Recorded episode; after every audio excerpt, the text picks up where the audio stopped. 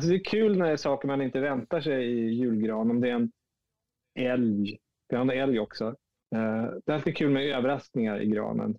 Det var döda ekorrar också va? Ja, Inte riktiga. alltså en uppstoppad, ja, en uppstoppad ekorre. som Uppstoppade, jag fick. ja. Det, Ja. det fick jag i present det där allra första året när jag bad folk komma med juldekorationer. Det var någon som hade med sig den här uppstoppade ekorren. Så att eh, den är ju ett slagnummer kan jag säga.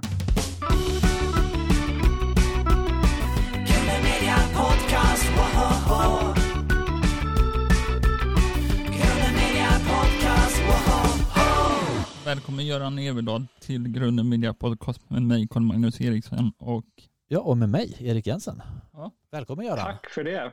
Vad kul. Välkommen till podden. Tack för det. Kul att nästan vara där, eller i alla fall. Ja, du är i princip här. Ja, Med eh, Zoom så kan långt borta göras väldigt nära. ja, Så att vi är tacksamma för ja det. precis. Nästa som igår kväll när vi ser dig där. Ja, jo, precis. Fast där åker jag ju faktiskt... eh, Det får man, det, ja, man får ju prata om det, men det Ja.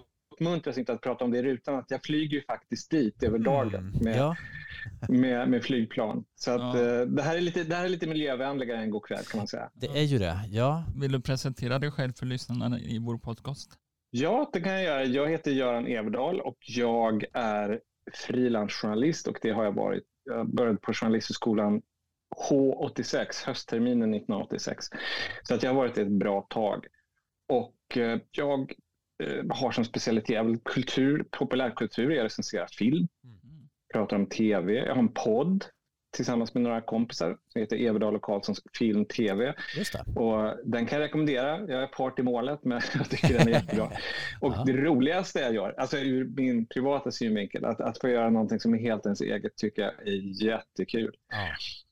Och eh, jag bor i Stockholm, född i Piteå, uppvuxen i Umeå. Eh, men jag har bott i Stockholm så länge så att jag är stockholmare kan man säga. Eh, och det är väl ungefär, jag har skrivit några böcker också. Så that's it tror jag. ja, en spretig och kunnig eh, som fått göra det du har velat ända sedan journalisthögskolan tänker jag. Ja, alltså jag kan säga att när jag slutade journalisthögskolan ville jag bara ha jobb. Det var vad jag ville. Så att Ja. jag, var glad att, jag var glad att det fanns arbetsgivare som, som ville ha mig. Ehm, och det, det är mycket som har förändrats på marknaden sedan dess. Men, men det som var väldigt roligt, som jag inte hade förutspått, det var att jag blev frilansare. Alltså att jag inte har någon fast arbetsgivare. Det har jag aldrig haft. Jag har haft ett fåtal vikariat, men jag har aldrig haft en fast anställning. Och Det hade jag nog inte väntat mig. När jag växte upp så kände jag, jag menar, då hade ju alla jag kände och mina föräldrars vänner och så där hade ju fast anställning. Så att, att jag haft det här lite, lite osäkra livet, det kom som en överraskning för mig. Men det har tagit trä, så, så har det gått ganska bra. Mm. Och som du säger, det som fördelen med det, det är att till slut blir det lite grann som du säger, att, att folk märker ju, alltså vad man tycker är roligt överensstämmer ofta med vad man är bra på, helt enkelt därför att man är beredd att lägga ner tid på det. Mm. Och I mitt fall så är det mycket film och populärkultur och sådär. Så att eh, jag har verkligen fått syssla med, med det jag gillar. Det är väldigt kul. Det, det är alltid roligt och intressant att lyssna på dig. För eh, man känner att du har ett brinn och du är så kunnig. Men tack och säg mer. Ja, Ja, ja, vad, roligt, vad roligt att höra. Det är ju tanken, alltså, Ja. det, det ska ju finnas en entusiasm där. Alltså, det är någonting när det gäller just kulturjournalistik. Att jag kommer ihåg att när jag började som journalist och när jag, innan jag var journalist, när jag bara var väldigt ivrig läsare, så fick jag nästan allergiska reaktioner mot inte bara kultursidor utan även liksom rockjournalistik och sånt där överhuvudtaget. När, när det handlade så väldigt mycket om attityd och positionering, att man skulle verka cool, att man skulle blinka till sina kompisar. Mm. Det, nu överdriver jag. Det är klart att det inte var så alltid. Men, men den attityden förekom och jag har försökt att, att eh, hålla mig ifrån det. Jag, jag riktar mig mot folk som är som jag var, som inte var en del av branschen men var väldigt intresserade ändå. Och det känner jag är de som jag vill kommunicera med. eh, vad är det aktuellt med just nu? Ja, du. Ja, just nu, nu är det sommar snart och som frilansare har man inte så mycket att göra på sommaren. Men det är några spanarna kvar innan sommaren kommer och jag har ett jättekul uppdrag som inte kommer att förverkligas. Alltså man kommer inte att se resultat av det förrän kanske om ett halvår eller ett år. Men som jag jobbar med nu som är väldigt kul. Jag har fått ett uppdrag av, det finns ett ställe i, på Djurgården som heter vikingaliv, The Viking Museum, så här kommersiellt museum, väldigt mycket inriktat för turister. Men de har, de har en väldigt bra basutställning om, ja, om vikingar, om hur vikingarna levde och reste och så vidare. Och då sa jag till dem att jag, det här, för jag råkar, jag råkar känna folk som jobbar där, så jag sa vilken bra utställning. Men jag, menar, jag tror att om jag var tysk turist eller amerikansk turist och kom till det här museet, då ville jag se The Mighty Thor och liksom Wagner. Och liksom, det är vikingar som aldrig har funnits, de är påhittade. Men ni borde ha lite grann om det här kulturvikingar, så att säga. De vikingarna man ser på film och tv och opera och så vidare. Och då sa de, ja men vilken bra idé, det får du göra åt oss. Så att nu ska jag göra en utställning på Vikingamuseet och den ska också bli bok. Eh, precis i startgroparna så jag är lite livrädd. Det är väldigt mycket arbete kvar men det ska bli skoj. Ja. Inte, Spännande. inte Wagnergruppen i alla fall. Inte Wagnergruppen, nu pratar vi om Inte eh, den håller vi utanför. kom, den Alltså, tyske kompositören. Ja. Nu vet inte jag, alltså det är intressant. Jag vet faktiskt inte varför Wagnergruppen valde just det namnet. Om det har någonting att göra med det här. Det, menar, det är någonting som man måste ta... Om man pratar om vikingar i vår tid eller kulturella vikingar. Vilket inom parentes sagt, vikingarna själva kallade sig aldrig för vikingar. Alltså det, är en, det är ett begrepp från vår tid. Efter. Så, så att, eh, men i alla fall, så det finns ju väldigt mycket så här eh, unkna politiska kopplingar till vikingar. Som också är sånt som vikingarna inte skulle ha förstått. Därför att man kan diskutera, alltså de var, eller en del av dem var i alla fall pirater och rövare, men de var ju också totalt mångkulturella. De hade inga problem med att beblanda sig. De reste över hela jorden, de fick barn över hela jorden, de beskyddade, de tog värvning i Osmanska armén, alltså hos muslimer. Så att de hade liksom inga, inga spärrar när det gällde mångkulturellt leverne. Och ändå så har extremhögern på något sätt tagit till sig vikingar. Så att det där är någonting som jag måste på något sätt ta upp i min bok och ta upp i utställningen. Jag vet inte riktigt hur mycket plats det ska få. Därför att det på något sätt så de, det tar så mycket plats ändå, det där surmöget. Så att, men ja, det får bli en framtida fråga. Wagner, kompositören. Där fanns det ju en del kopplingar. Nibelungens ring och de här. Där finns det en del. Jo, absolut. Men det, var, det, finns, det bygger delvis på Snorres, vad heter det? Snorre Sturlasons Edda. Eh, Så att där finns liksom Tor och Oden fast han kallar dem för Våtan och vad är det, Donner. Så att, men eh, han, det är också det här knäppa med Wagner att det finns den här nazistkopplingen som är äkta. Nazisterna lyfte upp Wagner. Däremot så fanns ju inte nazisterna under Wagners egen livstid och det var väldigt mycket i hans gärning som han absolut inte, alltså som, som inte stämmer överens med nazisterna. Men han var Nej. ändå antisemit så att det, är liksom, det är ett ormbo, det är en röra allt det här. Men varför Wagnergruppen heter Wagnergruppen, det, det är faktiskt en intressant fråga. Jag, jag vet inte, det, inte, Ja. det finns ju inte något särskilt ryskt över det namnet. Jag förstår inte varför de valde det. Nej, Vi kommer inte att bjuda in dem till nej. Nej. intervju så de får förklara. Så, skulle så, ha varit ett skop i och för Jag tycker vi sig. kan bjuda in E-Type för han håller på med eh, vikingar. han hade väl, är det, det är inte E-Types vikingaby? Han har väl också en sån? E-Type. Kan, alltså, han, han, E-Type är ju väldigt inriktad på vikingar. Eh, så att det kan Mm. hända att han, att han förekommer i det hela. Men det är väldigt mycket, alltså utställningen, jag förstår inte, det är lite grann som att få in ett, ett, eh, ett segelfartyg i en väldigt liten flaska. Alltså det är så mycket som ska rymmas eh, i, i den här utställningen. Boken är en annan sak, där kan man ta upp det mesta tror jag. Men eh, ja, jag får sålla, men jag är inte riktigt där än. Det är väldigt tidigt. Men det, det är mitt aktuella jobb. I sommar ska jag ägna mig åt det. Vilka är med i Spanarna? Det är ja, först och främst Ingvar Storm som alltid har varit programledare och sen så om man ska ta ungefär i tidsordning när de var med. Alltså det, det är en lite flytande grupp, men det är jag och Jessica Gedin och Helena von Zweiberg. Hon är väl den som har varit med allra längst tror jag av de som är med nu förutom Ingvar. Mm. Så Kalle Norlén, Perna Roskin eh, pff.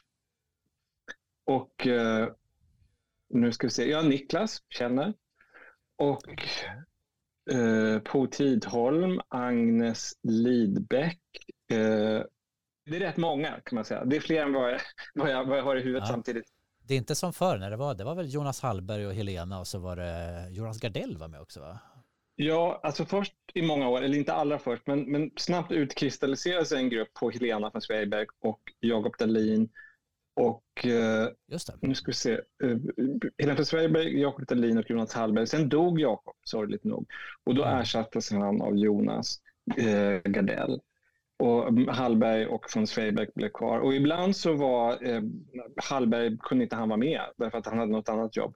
Och då behövdes det vikarier. Så att jag började som vikarie åt Jonas Hallberg i ett antal år. Och sen så slutade Helena och Jonas Gardell. Eh, och då behövdes det nya. Så att då var det väldigt mycket jag och Jessica Gedin och Gabriella Ahlström. Eh, som jag glömde säga. Eh, så att det, ja. Maja Åse var det som jag hade i huvudet men inte kunde komma ihåg.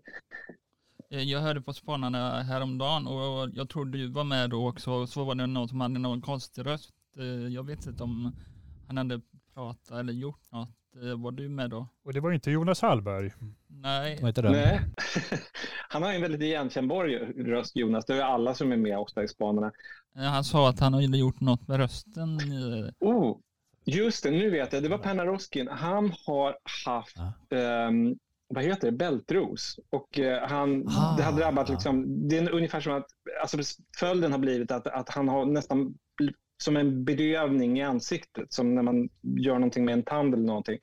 Så han under en period, det kommer att bli bra, men han, så, så är han lite så, så att han låter som att Ah. han som sagt har varit hos tandläkaren.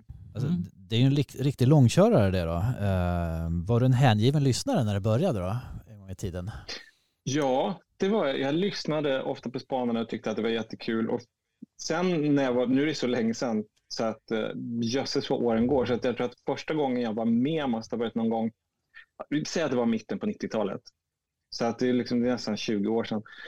Men jag kommer ihåg att jag var jättenervös de första gångerna jag var med. Jag var otroligt spänd.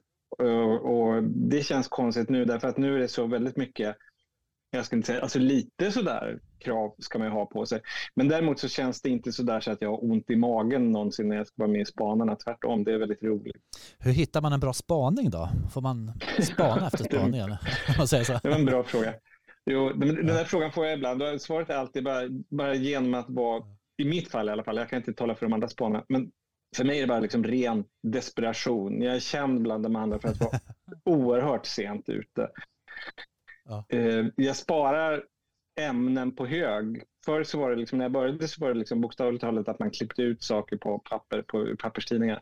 Nu är det mer att man sparar länkar och, och sånt där från, från nätet. Så att jag vet Mm. ju att jag menar, om det är någonting som har hänt, inte vet jag, att eh, någonting om hundar brukar alltid vara kul, till exempel. Eller, ja, men det, det finns saker som man bara känner att ja, men det här skulle vara kul att ha med i spanarna. Det betyder ju inte att man har en spaning därför att då behövs det ju liksom en tes. Och det behövs fler Ja. exempel på den tesen. Så att ett frö är verkligen bara ett frö. Och väldigt ofta så är jag sent ute. Så att eh, jag, jag sitter och skriver in i sista sekunden och ibland är jag inte ens klar utan har bara liksom stödord på slutet. Ja, så, Då blir det lite le- levande också kanske. Ja. Ja men Det tack märks. för den Ja. tolkningen. så du kör improviserar ibland. Sent manus. Ibland, Så ibland så, improvis- så blir jag tvungen att improvisera därför att jag har inte hunnit skriva färdigt manus utan då har jag bara liksom, eh, några stolpar på slutet. Och det pinsamma är att jag tror inte att det märks så stor skillnad på om jag läser till eller de där stolparna. Det är liksom, nu skulle jag inte ha nerver att ha ett helt, jag tror jag har haft det någon gång i och för sig bara för att jag måste, men, men genom åren har jag nästan aldrig haft ett rent stolpmanus. Det skulle vara liksom lite för hård press. Men grejen är att Ja. det gör inte så stor skillnad. Alltså, I och med att man har de andra också som ska vara med i samtalet och sådär. Så att det är, på det sättet så är det väldigt förlåtande och trevlig programform. Att man kan vara väldigt Mm. spontan och man behöver inte vara så strikt.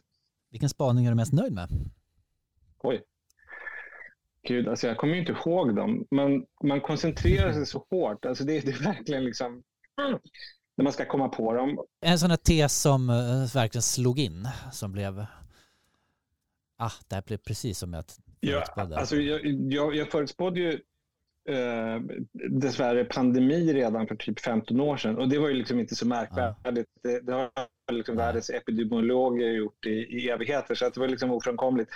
Men, men det, det skedde ju. Och eh, en av mina allra första spaningar som jag hade, det var, och, och det kommer jag ihåg att, att de tittade på mig som, va?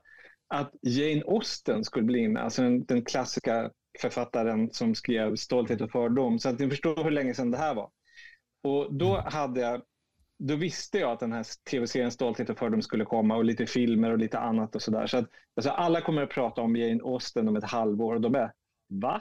Det är ungefär som ska alla prata om eh, inte vet jag, Karin Boye, det kan man väl göra, men liksom, det är bara en klassiker. Det Mm. men Mm. eh, så att den slog in. Så det var, den, den var inte så märkvärdig, men jag minns det därför att det var en av mina första.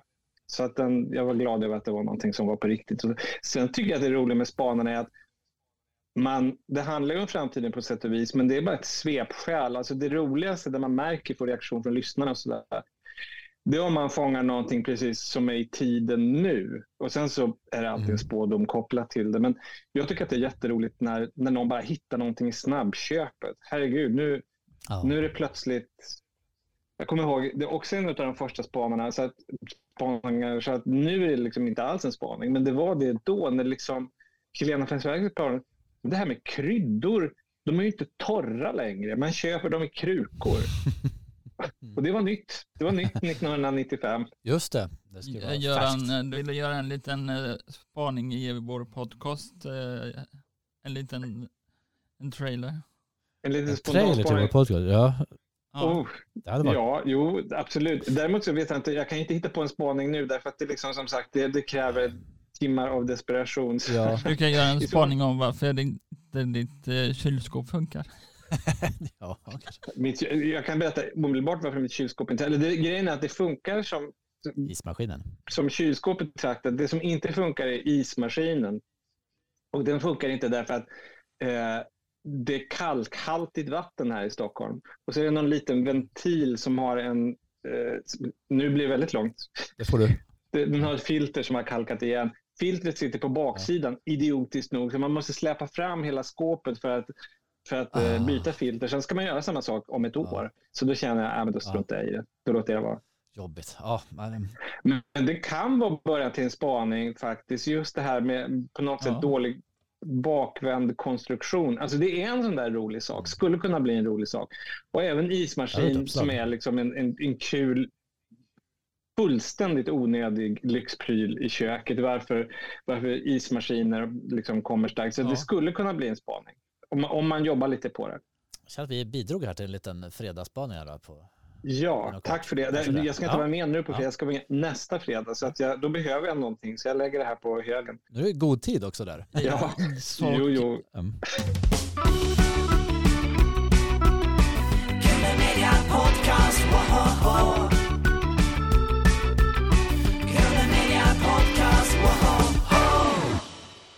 Eh, vad spelas det in någonstans, eh, Spanarna?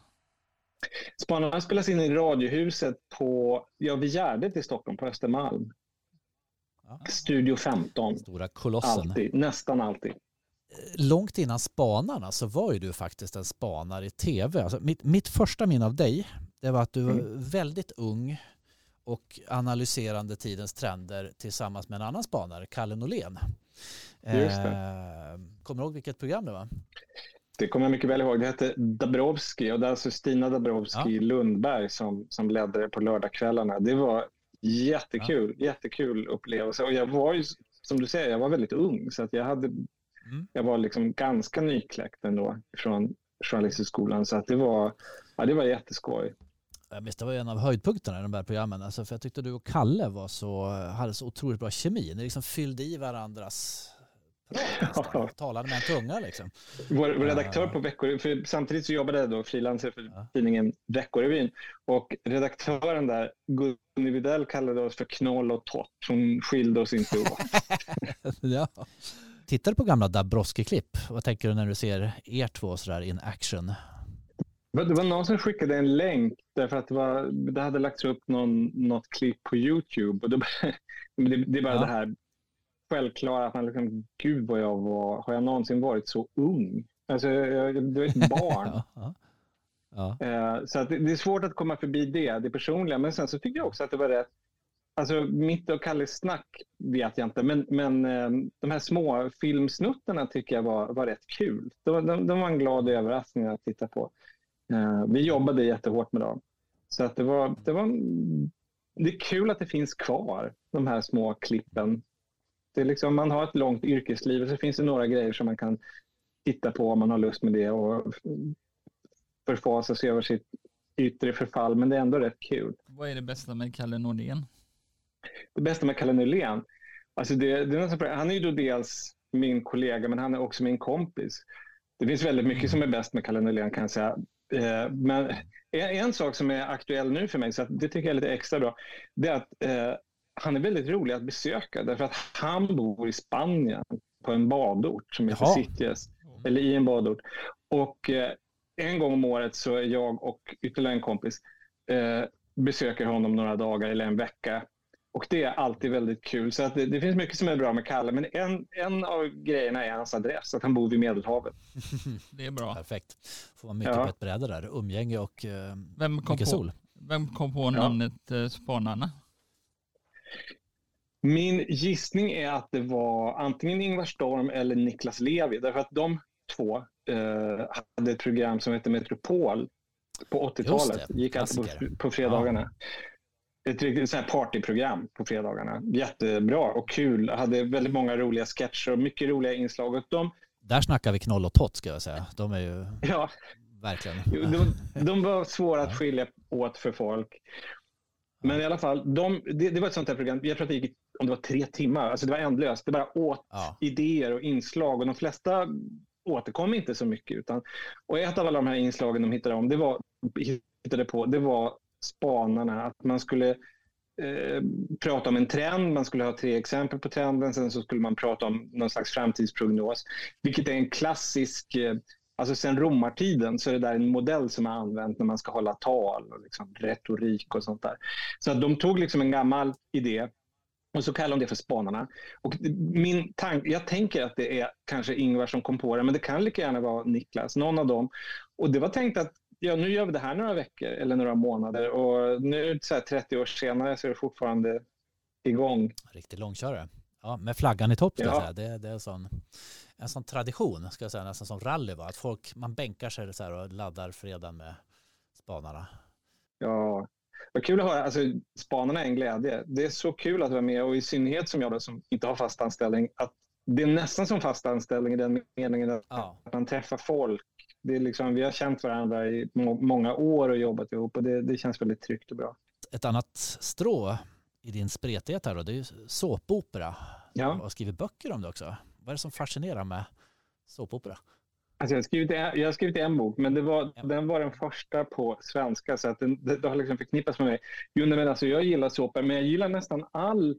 Alltså nu är inte det så konstigt, men när jag skrev den där boken så var det lite märkligt att jag älskar tv. Alltså, precis som, jag menar, jag älskar film också. Men, men jag har ända sedan jag var barn så var jag liksom besatt av tv och tv-serier och inte bara såpor utan det var deckare och komediserier och allting möjligt.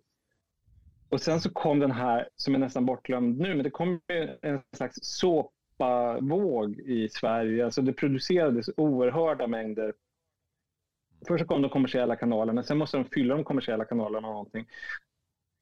Och så kom de på att de kunde göra såpor. På den här tiden så fanns ju inte dokusåpor än. Så att det var liksom, så att det fanns saker som hette Skilda världar och Storstad och allt möjligt. Så att då, då blev det på något sätt intressant för förlagen att, att ge ut en sån bok som jag väldigt gärna skrev. Men om jag hade fått bestämma så skulle jag precis lika gärna skrivit en bok om tv-komedier eller deckare eller om, om precis allting. Men det var väldigt kul. Alltså, e, en sak med tv-såpor var att de var då och är väl fortfarande ganska, en ganska bespottad genre. Att eh, om man gillar såpor så slår man lite grann underifrån och det var ju väldigt roligt att kunna eh, försöka tala sig varm för någonting som folk ogillar starkt och är för fina för. Ja, Det var väldigt roligt. Skulle du vilja själv vara med i en såpa eller tv-serie eller film? Nej, kan jag säga helt ärligt. Eh, där känner jag mina begränsningar. Jag, har aldrig, alltså jag höll på lite grann när jag var, precis innan jag kom in på Journalisthögskolan så höll jag på lite grann med, med amatörteater. Men så att, och, och vad- medverkade med några enstaka repliker i en, teater, en riktig teaterföreställning på Fria Provteatern. Och det jag insåg då var att jag tyckte att det var roligt, men för mig var det verkligen en lek. Eh, det var, det var ingenting som jag liksom var beredd att gå in med eh, hull och hår i. På det sättet att så fort jag kom in i journalisthögskolan så hade jag hamnat rätt. Så att, eh, jag, tror, jag, jag, jag, tror inte, jag tror inte att film och tv-världen har lidit någon stor förlust med att jag inte, att jag inte är med där. Eh, jag, nej, för att svara på din fråga. Jag, är nog inte sugen på att vara med i en såpa eller en film. Jag tänker eh, runt den tiden, 86 där när du började, vad var det som gick på tv då? Det var Varuhuset va? Varuhuset som jag älskade. Följde du Varuhuset? Jag tyckte, jag tyckte, Och Goda grannar? och goda grannar. Det var inte lika förtjust men Varuhuset tyckte jag var toppen. Jag gillade alla de här amerikanska megasåporna som de ibland kallas. Alltså Falcon Crest och Dallas och så vidare. Eh, och, men Varuhuset tyckte jag var urkul. Dallas var bra tyckte jag. Ja.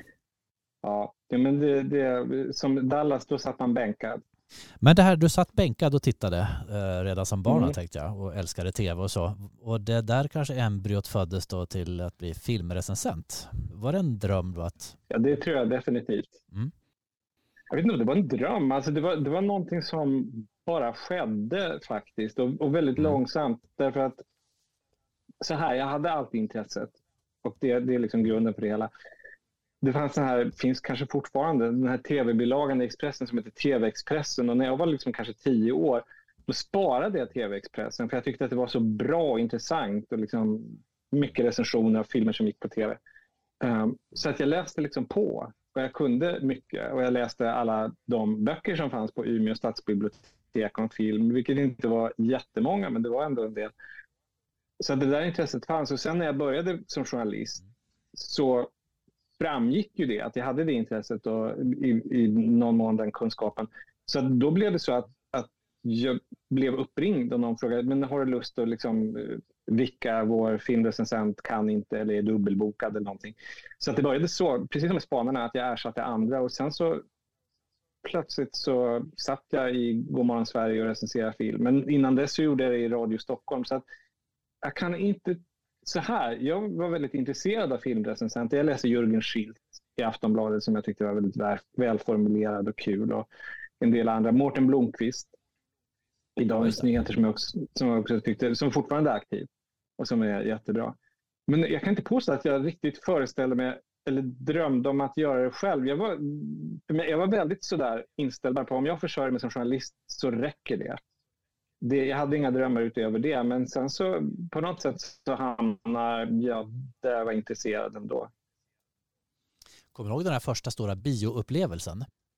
När jag var barn, jo det, det var när jag var, måste ha varit fem år gammal eller någonting, såg Bambi. Eh, På? Alltså Disneys Bambi om rådjurskriget, stämmer man väl.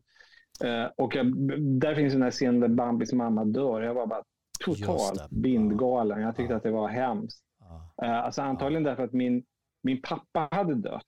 Eh, inte så långt innan. Så att liksom tanken på att man dessutom skulle bli av med, med sin mamma var liksom Ja, helt fasansfull för ja, mig. ja. Men samtidigt så tror jag att det är en fasansfull scen för vilket barn som helst. Men man behöver inte ha haft någon upplevelse av förlust för att tycka att det är läskigt. Alltså Disney-filmerna var ganska grymma.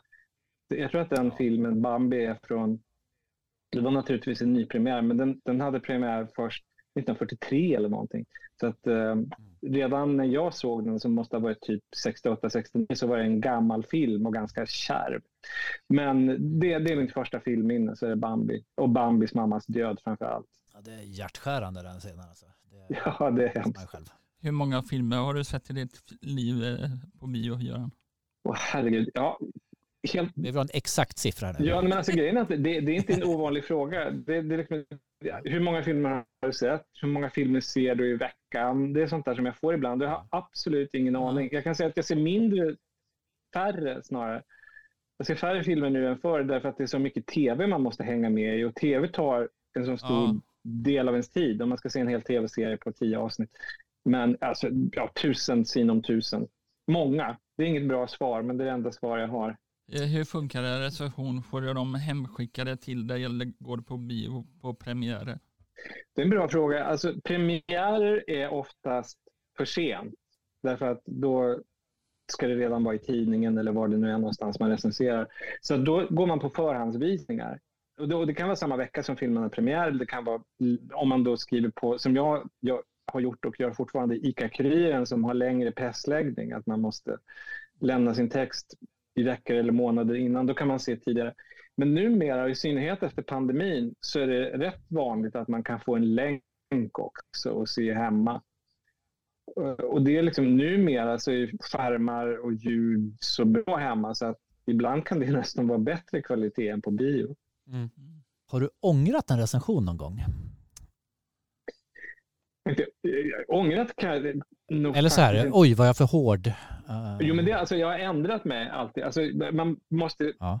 man är alltid sann mot sin upplevelse som man uppfattar den i stunden man skriver. Så att det är ju Ja. som det är. Däremot så har det Ja. hänt att jag har omvärderat filmer, att jag har sett om någonting och känt att liksom, men varför var jag så hård mot den här? Det, det fanns en film, Mm. nu, nu är den lite bortglömd, men ni vet Kate Blanchett, filmstjärnan, Mm. eh, som senast var med i Tar. En, en av hennes första roller när hon blev känd var att hon spelade drottning Elisabeth i en film som hette Elisabeth. Att hon spelade den 15, Mm. renässansdrottningen Elisabeth. Och den var inte jag speciellt förtjust i när jag såg den. Jag tyckte att den var, jag kommer inte ihåg. Men jag, jag, jag hajade inte den helt enkelt. Och sen så en ganska kort tid därefter, alltså mindre än ett år senare, såg jag om det och då tyckte jag att den var fullständigt lysande. Och det, det är sånt där som skakar om en lite grann, att, att samma film kan ge så olika upplevelser. Eh, det är inte särskilt vanligt. För det mesta så ser man om en film och tycker precis likadant som första gången kan jag säga. Men det händer. Det händer att man omvärderar, absolut. Jag vet förra sommaren intervjuade vi Fredrik Strage eh, och han ångrar ju sig efter någon recension. Jag tror det var när Jan Guillous eh, Ja, det kommer jag ihåg. Så att han, han ställde sig utanför biografen och gav ut hundralappar till folk så här, för att kompensera. förlåt, förlåt. Jo, Eh, nej, men det var kul. Det var ju för verkligen, jag- han tog följderna av det. All Ja. heder till Fredrik. När du recenserar filmer, hur lång tid tar det på dig att läsa på? Det beror på. Ibland så det är det ju någonting som man nästan kan från början. Om det är en, om vi tar det finns en, snart så kommer en filmpremiär som heter Astro City. Och den, det är den nya filmen av Wes Anderson som har gjort en massa... Mm. Jag har sett typ alla hans filmer och tycker väldigt bra om honom. Så Mm. där behöver jag inte läsa på i den meningen att jag vet ju vad hans stil är och varifrån han kommer och liksom sådär. Så att, sen så kanske man läser på lite grann om just den här filmen. Samtidigt så, där försöker, det försöker jag nästan undvika att läsa så mycket om den specifika filmen jag ska se. Att det är bättre att inte ha förutfattade meningar. Då är det nästan roligare att läsa på i efterhand kan jag tycka. Mm. Om man hinner. Ibland så är det väldigt bråttom. Är du pedant när, det är, när du ska recensera? Ja, det, men det är lite grann som med spanarna. Det, ja och nej. Alltså jag, jag är då tyvärr en sån där sista minuten-person. Så att Ja. på sätt och vis så finns det ingen tid att vara pedant och samtidigt gör det det. Samtidigt finns det tid att vara pedant. Man kan peta och hålla på i, i sista stund. Det, det kan hända att det är någon slags psykologisk eh, försvarsmekanism att jag är ute i sista stund därför att om jag inte var ute i sista stund så skulle jag hålla på i evighet. För du, för du Ja. recenserade igår kväll och så var det svårt för att komma ihåg eh, minnet liksom när du kollar in i kameran. Ja, nej, men det kan hända. Då, alltså ibland, det är pinsamt. Det var lite grann som att jag inte kom på Maja Åses namn när vi skulle prata nu. Det, det tror jag tyvärr är ett ålderstecken. Att ibland så finns det saker som man inte kommer ihåg. Det tror jag alla känner igen i och för sig. Man kommer inte ihåg det trots att man på något sätt kan dem. Och då om man sitter i ställning som igår kväll, då är det bra att, att eh, kunna titta ner. Men ibland så känner jag bara liksom, "Va fan, det här kan jag ju. Men puff, Jag kan relatera till detta med sista Ja. minuten. Att färdigställa sådana här frågor till exempel. Jag känner att börjar jag för tidigt, då känns det som att man kastar upp en boll när man ska serva. Så står man och väntar. Det blir liksom, man hinner tapp, tappa energin när en annan har kommit ner. Alltså när det gäller spanarna så är det så att ibland så måste jag ju vara ute i tid därför att det är direktsänt på Mm. fredagar. Och ifall jag har, Ja. inte vet jag, om jag har en förhandsvisning eller ska till tandläkaren eller någonting på fredag så att jag vet att jag kommer inte att kunna skriva spaningen i sista stund. Då skärper jag mig och så gör jag det dagen innan. Men vad som händer då är att, att jag kan ju liksom inte riktigt när jag kommer i studion så har jag inte så färskt i huvudet så att plötsligt måste jag läsa på i manus. Fördelen med att vara ute i sista sekunden är att jag har allting så färskt i huvudet så att jag liksom kan bli ganska spontan. Och det blir svårare när man, när man redan dagen därpå så blir det svårare kan jag säga. Vilken är den bästa film? Alltså, som jag sett någonsin. Det är, det, det är också en sån här fråga som man får ibland som alltid är lika svår att svara på. Det, det verkligen varierar vad, vilken film man tycker är bäst nästan från vecka till vecka. Det finns en som jag, som jag verkligen tycker om eh, som på något sätt blir ny varje gång jag ser den. Eller jag fastnar alltid i den för den går ofta på tv och så ska man titta några minuter och så blir man sittande. Och det är Rosemary's Baby. Eh, Ja, från Polanski. 1968 eller 69 eller vad det är med Ja. Mia Farrow. Ja. Den är så häftig tycker jag. Alltså dels är den så oerhört välgjord. Den är bara en, en fröjd hantverksmässigt. Men sen så är det också så att första gången jag såg den, då visste jag inte, jag, jag visste att den handlade om att hon får djävulens bebis, därför att det vet alla som ser den filmen. Men, jag hade, men i övrigt inte. Och då var jag så engagerad i den här huvudpersonen, Rosemarys öde, så att då var det liksom en spänningshistoria, det var en skräckberättelse. Men sen när man ser om den och vet hur den ska sluta, då märker man plötsligt att det här är ganska kul. Alltså det är nästan en komedi med de här, det här gamla satanistgänget som gnabbas med varandra. Och Man kan se det som en satir, man kan se den på väldigt många... Alltså, den är en sån där, man vänder och vrider lite grann på den och så blir det någonting helt nytt. Och det är inte särskilt vanligt. De flesta filmer är vad de är, men det är inte Rosemary's Baby. Den, den varierar. Intressant, man hittar många bottnar i den och upptäcker nytt. Ja, absolut. Podcast,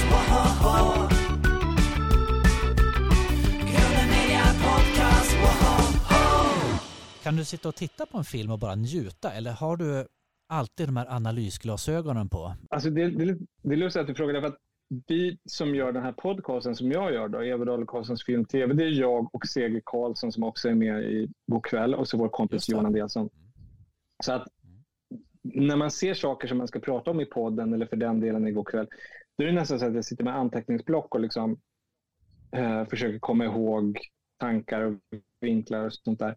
Men däremot vi tre, när vi träffas ibland och har filmkväll, då avsiktligt så tittar vi på någonting som inte har med podden att göra, som är helt inaktuellt. Ofta någon gammal klassiker från 40 eller 50-talet. Och det är väldigt skönt. Att, ja, det, det är en sån glädje att slippa ha analysglasögonen på, att bara liksom njuta. Så att eh, för mig är det en lyx. Heter han eh, Seger eller vad heter han? CG ja. Eh, jo, han heter Claes-Göran Karlsson Ja, egentligen. Nu kan det sägas. För mig är han CG liksom. Ja, Alltså, tycker du man ska få på popcorn på bio och mobiler på bio? Absolut inte. Man ska stänga av mobilen på bio. mm.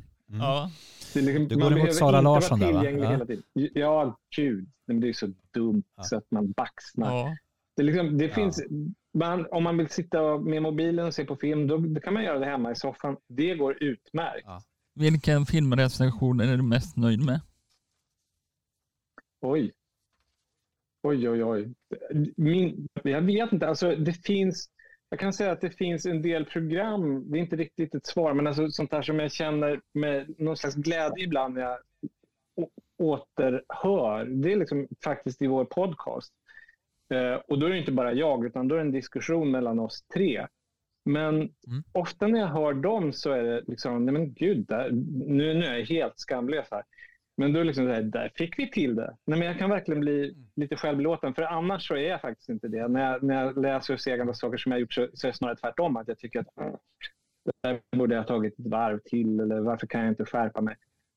Men när jag lyssnar i vår podcast, alltså det, det är liksom en annan sak. Det är ett gemensamt projekt och det tycker jag ofta blir väldigt kul. Alltså ett program, apropå Mårten Blomqvist, för han medverkar i vår podcast ibland, alltså film Ja. recensenten på Dagens Nyheter. Vi gjorde, i vår podd så pratar vi om aktuella filmer och tv-serier, men ibland så gör vi ett program som bara handlar om en filmklassiker. Och de blir ofta rätt kul. Och en av dem som jag bara spontant kommer ihåg blev väldigt roligt, det var när vi pratade med Mårten om Exorcisten, alltså den gamla skräckfilmen från 73. Det, det blev ett kul samtal. Så att, och då, eh, när man lyssnar på podden, det, det är väldigt roligt också just därför att det är ett samarbete. Men så känner ju säkert ni när ni gör er podd också, att det, det är kul att det blir just ett samtal. Ja. Göran, vad tycker du om en Triangle of Sadness? Jag tycker att den är bra och Ja. lite lång om jag ska vara ärlig. men, den är, men den är bra. Alltså, han är häftig, Ruben Östlund. Och eh, Mm. jag tycker nog fortfarande, alltså den som, som, där jag tyckte att han på något sätt hittade sin form som bäst, för mig i alla fall, man, det behöver man inte hålla med om, men det var nog Turist. Den tyckte jag var Mm. jättekul, för det fanns någonting så väldigt mänskligt där också med den här mannen som inte kan släppa på sin stolthet och bara säga jag blev rädd. Om... Nej. och så låter de det här liksom ta över precis hela filmen. Det är ju liksom Ruben Östlunds styrka att han han hittat en idé så är han liksom som en hund med ben. Han släpper den liksom inte. Och ibland så kan det bli helt fantastiskt och ibland så kan det bli lite långt. När de spyr på båten. det, det är inte den mest subtila scenen. Det är liksom kul. Jag, vad jag tänkte på då som inte alls har med saken att göra, eller så har det det. Det finns den här gamla Helan och Halvan-filmen, en, kortfilm som heter The Battle of the Century som är världens största paj-fight. När de liksom kastar tårtor och pajer på varandra och det tar liksom inte slut. Och jag känner att det här var väl ungefär spyornas motsvarighet till det på något sätt. till, till hela och halvan. Och så hon som spyr på toaletten. Kanske vi går vidare här innan det blir... Det här är en familjepodd, Carl Magnus. Ja. Hur många Carl Magnus på en skala mellan 1 och 5 skulle du ge Triangle of Sadness? Jag gillar tio. Du ger en Tio. 10. Ja. Det var enorma mängder. Ja. Jag skulle Men ge du då, fy, fy, fyra av fem. Skulle jag ge. Jag tycker, jag tycker den är bra. Fyra av fem, Ja. det är bra, Ja. bra betyg. Innan vi slutar här, jag har en liten undring här då. Alltså jag vet att du har väldigt spännande julgranspynt i din gran. Ja. Kan inte du berätta Framförallt lite det? mycket. Mycket, ja det är more is more liksom. Ja. Jo, nej, men det har blivit, jag, jag gillar julen. Vad som hände var, att- och det, är- det är väldigt länge sedan nu, när jag flyttade in i den här lägenheten i vars kök jag för tillfället sitter, då var det så att den, den råkar ha väldigt högt i tak. Alltså det är en gammal fastighet så att det är 3 och 20 eller någonting i tak. Och då var det någon som sa Oj. till mig, det var inte jag som liksom gjorde den observationen, att men här skulle jag ha plats med en riktigt stor julgran. Och då kom jag på att ja, men det stämmer ju. Så att då fick jag tag på en som nästan gick upp i taket. Och då hade inte jag, jag hade ju inget julpynt och julpynt är dyrt. Alltså det finns ju sånt här som man kan köpa i, i bulk så att säga, de, som är ganska tråkigt. Men de här lite finare grejerna, de är jättedyra. Så jag en Handblåsta. handblåsta, exakt. Och överhuvudtaget, något som är lite roligt, något som inte bara är en röd plastkula är plötsligt väldigt dyrt. Så att, vad jag gjorde var att jag bjöd på fest, eller på en julglögg. Och då säger jag åt folk att om ni, ta, ni behöver inte ta med en present, men om ni gör det så ta med en julkula, för det behövs i granen. Så att det var så det började. Och sen så med åren, så då och då, inte särskilt ofta, men så köper jag en julkula om jag snubblar över den på en resa eller vad som helst. Och ju knäppare desto bättre. Alltså, och det som är väldigt skönt, och det, det kanske finns en parallell med att jag gillar såpor och sånt där. Jag tycker inte att man behöver vara konsekvent. Eller ibland så kan man se julgranar där de bara har röda kulor. Eller de har äpplen bara eller någonting sånt där. Det, det är nog det absolut tristaste jag kan tänka mig. För mig har inte julen någonting med återhållsamhet eller sober smak att göra, precis tvärtom. Eh, så att eh, det, det är en Disneygran kan man säga. Mycket glitter och mycket, mycket utsmyckning. Eh, det är dödskallar och det är så att Tuborg sexpack här för mig såg också. Så det är julgranskula. Och du har kollat på Ja. Instagram. Ja. Jo, Jajamän. det stämmer. Eh, Jag har väldigt mycket, de här, jag har två dödskallar eh, och de är båda Ja. egentligen, om man ska vara liksom väldigt petnoga, så, så är inte det julpynt utan det är så här mexikanskt, vad heter det, de dödas dag. Dios de la Muertas. Eh, Å andra Ja. sidan så är det ju julkulor, så att det är liksom dödas dag-utsmyckningar gjord för julgran. Nej, alltså, de är då egentligen inte så att säga, en del av julen utan de är del av det här mexikanska de dödas dag. Men den tror jag sammanfaller lite grann med alla helgons dag och det är ganska nära, alltså det är november eller någonting. Eh, Så att det funkar. Och de är, vad de, egentligen, de är egentligen inte gjorda för att vara läskiga eller någonting utan de, de är verkligen glädjesymboler i sin originalkultur. Så de tycker jag är jätteroliga. Mm. Och eh, sexpacket det hittade, det hittade jag på, den- i Gamla stan i år.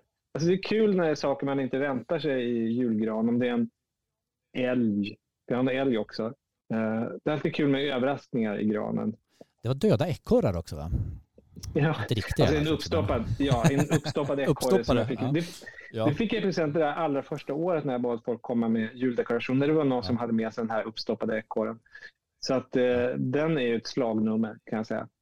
Nu snackar vi ändå, det här kanske är vår första spaning, men det här känns som en, vi har spanat in din julgran helt enkelt. Så det Ja. här är väl våran spaning då helt enkelt. Nu ska du få överraskning utav mig, Göran. Ja, vadå? Eh, eh, vilket är det kändaste mobilnummer du har i din telefon? Jaha Kalle. Norlén. Kanske Kalle Norlén. Alltså det är nog spanarnas olika mobilnummer. Ja. Sissela Kyle och allihop. Eh, det är nog mina kändaste mobilnummer tror jag. Spanarnumren. Eh, tycker du vi ska gå med i NATO? Ja, ja det, kan, det kan jag säga. Så, så, ja, det tycker jag. Om NATO. Jag tycker vi ska gå med. Efter viss tvekan så tycker jag ändå det. Eh, har du gjort lumpen och var? Bra fråga. Jag, jag började göra lumpen. Jo, ja, jag har gjort lumpen. Jag började göra det som plutonsjukvårdare och sen så hoppade jag av och valde vapenfri tjänst och den gjorde jag inom länsarbetsnämnden i Stockholm. Har du något drömprojekt? Oj! Vet du vad, drömprojekt. Nu, nu låter det som en skiva som har hakat upp sig, men, men den här podden som jag tycker är så rolig är på sätt och vis ett drömprojekt. Drömmen där vore väl att ha råd att göra den en gång i veckan, för det kan vi inte göra. Det är inte realistiskt. Men i, i den bästa av världar så skulle jag göra podcasten varje vecka. Nu gör vi den en gång i månaden. Vilken blir din nästa biofilm? Som jag ska se, Ja. ska se, alltså de kommer, det kan hända att jag ser någonting innan dess, men jag ska se den här som jag pratade om, den här Astro City, den här Wes Anderson-filmen. Ska jag se om Ah. en dryg vecka tror jag. Men det kan hända att ibland så flyter det in sådana där förhandsvisningar i sista sekunden och framförallt om man ser via länk. Så det kan mycket väl vara så att, jo, jag vet att jag ska se en film som heter Harold Frys långa vandring eller någonting heter den. Eh, En film som jag ska se snart. Harold, nu ska vi se. Harold Frys oväntade vandring ska jag se eh, nu i veckan. Det är min nästa film, biofilm. Vad är du mest stolt över i din eh, kulturgärning som Oj, journalist? jösses. Carl Magnus. Karl Magnus. Alltså jag tänker inte riktigt så. Jag tänker inte på att åh, jag är stolt. Det, jag, jag går inte runt och... Ja. Men däremot, alltså, om, om jag nu ska göra det, så kan jag tycka att det är väldigt kul att jag skrev den där såpaboken så tidigt. När populärkultur inte riktigt togs på allvar som det gör nu. Och när tv nästan tas på överdrivet allvar kan jag tycka. Så jag var väldigt tidigt ute med att, att skriva en, en historia. Alltså den är ju tänkt att vara rolig och underhållande också, men den tar ändå ämnet på allvar. Och den är inte, i alla fall så försökte jag att göra den så att den inte var mästrande. Man skulle inte må dåligt om man gillar såpor. Och samtidigt så var det inte så att man föll platt för det heller. Utan den var, den var tänkt att vara kul och informativ. Och, men det är jag stolt över, det vet jag inte om den var. Men den var tidig och det är jag nöjd med. Eller så är du stolt över ismaskinen. Ismaskinen. Jag Som skulle inte vara ännu fungerar. stoltare över den. Om, om, om den funkade skulle jag vara ännu mer stolt över den kan jag säga. Där har du en spaning till Ja. Karl Magnus. Då. Ja. Ja. Har du gjort bort, det i direktsändning? Mm, jag vet inte vad jag har gjort. Jo, det har jag säkert gjort. Men då har jag antagligen liksom försökt tränga bort det så att jag liksom aktivt har glömt det. Ibland så blir man ju väldigt överraskad i sändning. Eh, det, var en, det finns ett antal exempel på det, men en gång i... Så började, det, var, det är liksom pinsamt när min mobiltelefon började ringa i direktsändning igår kväll en gång. Det skämdes jag faktiskt. Det, ska, det ska inte hända. Sen så, sen så kommer jag ihåg, och det var inte riktigt så att, det var inte så att jag gjorde bort mig eller skämdes, men det var liksom en, en, en knäpp situation som uppstod när en film som hade tre solar hade premiär, som utspelas på Ja. medeltiden. Och det kändes att det var väldigt dåligt. Ja, en kalkonklassiker och folk skrattade ut trailern. Och så hade den premiär och den var verkligen dålig. Jag tror att jag gav den två. Gav den tvåa och det innebar att jag var mest positiv i hela världen. Det är där man får se Mikael Persbrandt i Prins Valiant-frisyr. Ja, jag skulle säga att det är Andreas Blek av nosen frisyr och det är det som är historien därför Ja. att när jag recenserade den här filmen i direktsändning så ja, men gör jag mig lite lustig över. Jag skojar om den och så säger jag ungefär det här att ja, men nu ska vi se eh, Micke Persbrandt i Andreas Blek av nosen frisyr, så här långt blont liksom. Och så kommer klippet på. Och så börjar sig programledaren fram till mig och säger Du vet att Persbrandt sitter där ute i väntrummet? Han, -oh. Ja. och jag var liksom, vad? Och det- Ja, ja, men du kan gå ut genom tekniken. Ni behöver inte träffas. Liksom. Och då är det så mycket Ja. som är fel där. Därför att nummer ett så är det så oförskämt mot det är så dumt Ja. att jag inte vet om det. Att, att inte jag blir, det är dumt att boka honom sam, samma dag som filmen recenseras. Det är liksom oförskämt. Ja. Att han ska sitta där och liksom höra åsikter om sig själv Ja. medan han väntar. Så att det liksom, där tycker jag synd om Persbrandt. Sen så är det liksom att jag inte får reda på det i förväg så att jag liksom på något sätt kan anpassa mig och inte framstå som en buff för mobbare. Så att jag kände mig urdum. Um, men, och sen så insåg jag att jag kunde naturligtvis inte gå ut genom tekniken och undvika det här mötet därför att då skulle ju det bli historien, att, att jag på något sätt flydde från Persbrandt. Så att jag fick bita i sura äpplet och så jag gick ut där och han satt djupt försjunken i Dagens Nyheter kan jag säga. Så det blev liksom inget samtal. Så att om Micke Persbrandt ser detta, jag är ledsen. Mikael, om du hör detta nu så Göran är ledsen för detta, men jag tänker att det, det har blåst över nu. Eh, Det blev som det blev. Men eh, det var en rätt komisk peruk får man säga och eh, film i övrigt. Så att, Ja, den var sanslös. Den var verkligen... Jag tror den är väldigt svår att få tag på. Man kan inte riktigt se den någonstans längre. Det är ju en kultfilm som kanske är högt värderad på marknaden nu då. Göran, vi ska be att få släppa dig här, men innan vi gör det Ja. så har vi ju en eh, liten rutin jag kör här som heter Fem snabba.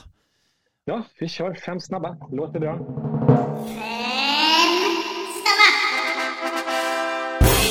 Kaffe eller te? Kaffe. Skakig handkamera eller Roy Andersson? Roy Andersson. Eh, bio eller hemmakväll? Mm, en samvetsfråga. Jag säger bio. Fast jag, jag gillar ju båda i och för sig. Men jag säger bio. Gunnar Relin eller Nils Petter Sundgren? Oh, jag har haft att göra med båda. Um, Mm. Nils Petter Sundgren var den som jag såg på tv när jag var barn, så jag får ta Nils Petter där. Det fanns ju bara han då på den tiden tänker jag. Eller- Det fanns en, ska jag säga, den jag tyckte allra bäst om var ju Torsten Ljungstedt som jag ja, älskade. visst. som ibland vikarierade för Nils Petter.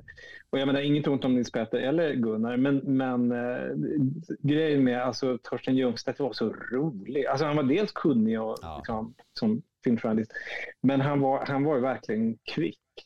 Kvick och rolig och naturlig. Det känns som han bara gick in och körde. Liksom. Väldigt Han var, han var Torsten. 100 procent Torsten. Ismaskin eller mikro? Mikro får jag säga, därför att mikron funkar.